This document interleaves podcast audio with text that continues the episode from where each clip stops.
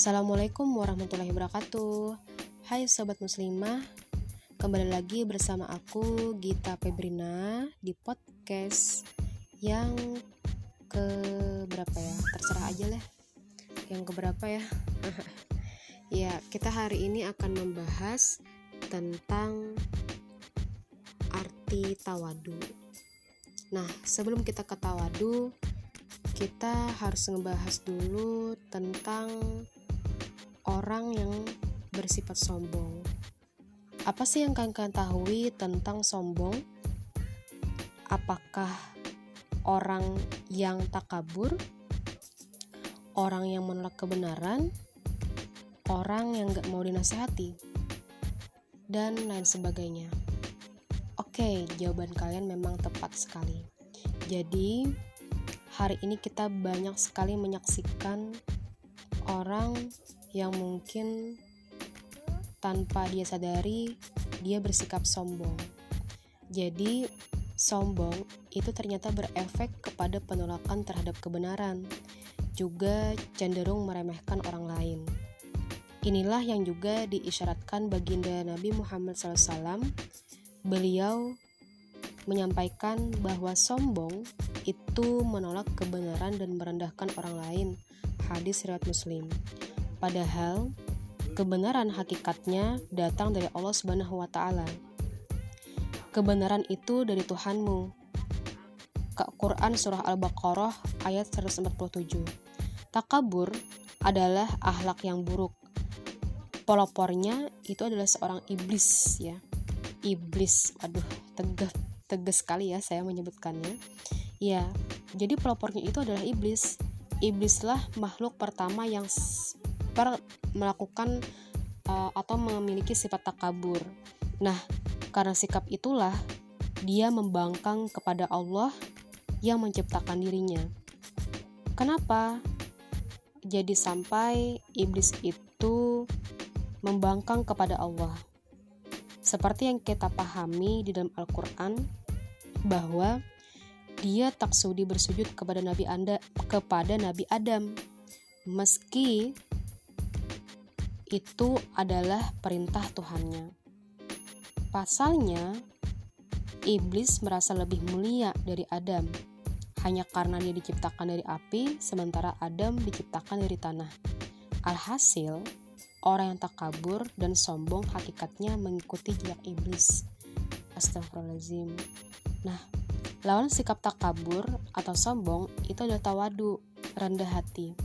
Nah, inilah inilah akhlak Adam alaihissalam.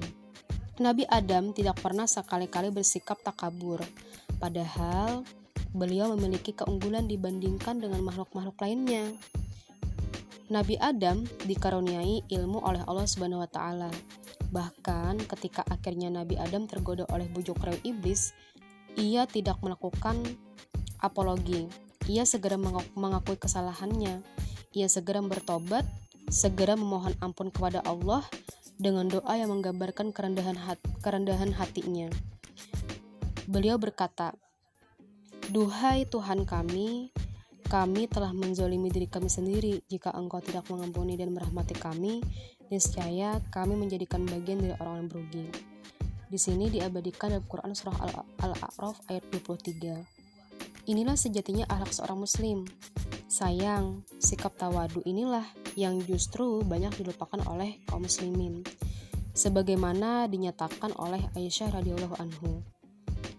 Sungguh kalian telah lalai dari ibadah yang paling utama yaitu sikap tawadu atau rendah hati. Nah, kalau kita berbicara tentang tawadu, Rasulullah SAW bersabda, bersabda eh, Rasulullah SAW bersabda, tidaklah seseorang bersikap tawadu kecuali akan Allah meninggikan derajatnya. Nah, jadi seseorang yang tawadu tak akan merasakan sombong dan merendahkan manusia karena dia tidak akan pernah merasakan lebih mulia sampai ia mengetahui kedudukannya di akhirat nanti. Nah, inilah yang dijelaskan oleh seorang ulama besar. Dan banyak sekali berbagai macam sikap tawadu yang pernah dilakukan oleh generasi salafus soleh.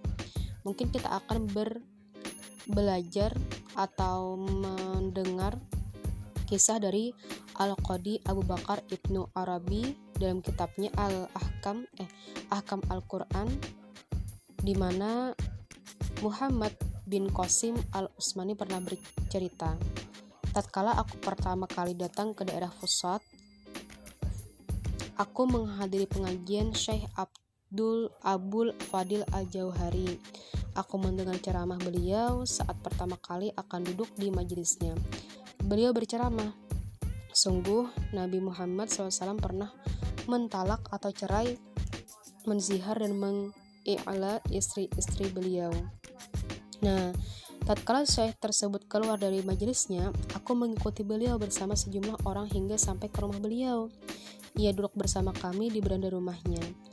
Aku pun berkata kepada beliau, Aku duduk di banjelismu untuk mencari berkah ilmu darimu.